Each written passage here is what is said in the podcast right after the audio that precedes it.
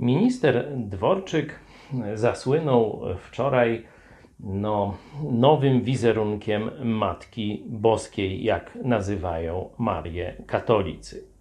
Oczywiście, kiedy przedstawi jakiś inny człowiek ten obraz z tęczą, no to jest przestępstwo, prokuratura, siły tam szybkiego reagowania wpadają do mieszkania.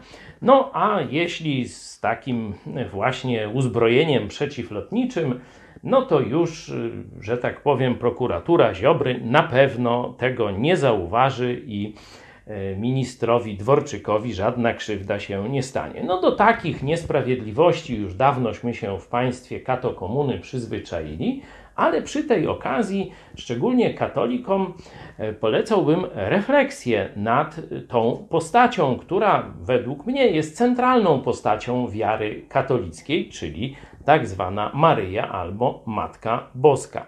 Ostatnio rozmawiałem ze współpracownikiem księdza Blachnickiego, Joe Łosiakiem, protestanckim misjonarzem, który przyniósł, można powiedzieć, Ewangelię powtórnie do Polski w latach 70. I on dyskutując z katolikami tłumaczy im: Słuchajcie, gdyby ta Maria z czasów Jezusa przyszła tu i była między nami, to jak myślicie, z kim by siadła do stołu?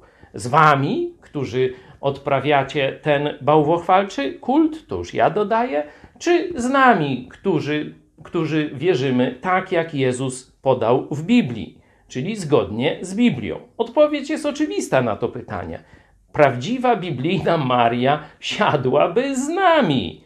Jeśli, drodzy katolicy, macie jakiekolwiek wątpliwości, czy to, co mówię, jest prawdą, otwórzcie sobie Pismo Święte, przeczytajcie je całe i podkreślcie fragmenty, gdzie mowa jest o Marii. Zobaczycie, jak niewiele tego jest. A co więcej, tak często powołujecie się na to, czego Maria chce lub co tam objawiła. Otwórzcie Biblię. Ewangelia Jana, drugi rozdział, piąty werset i zapamiętajcie, co Maria tam powiedziała.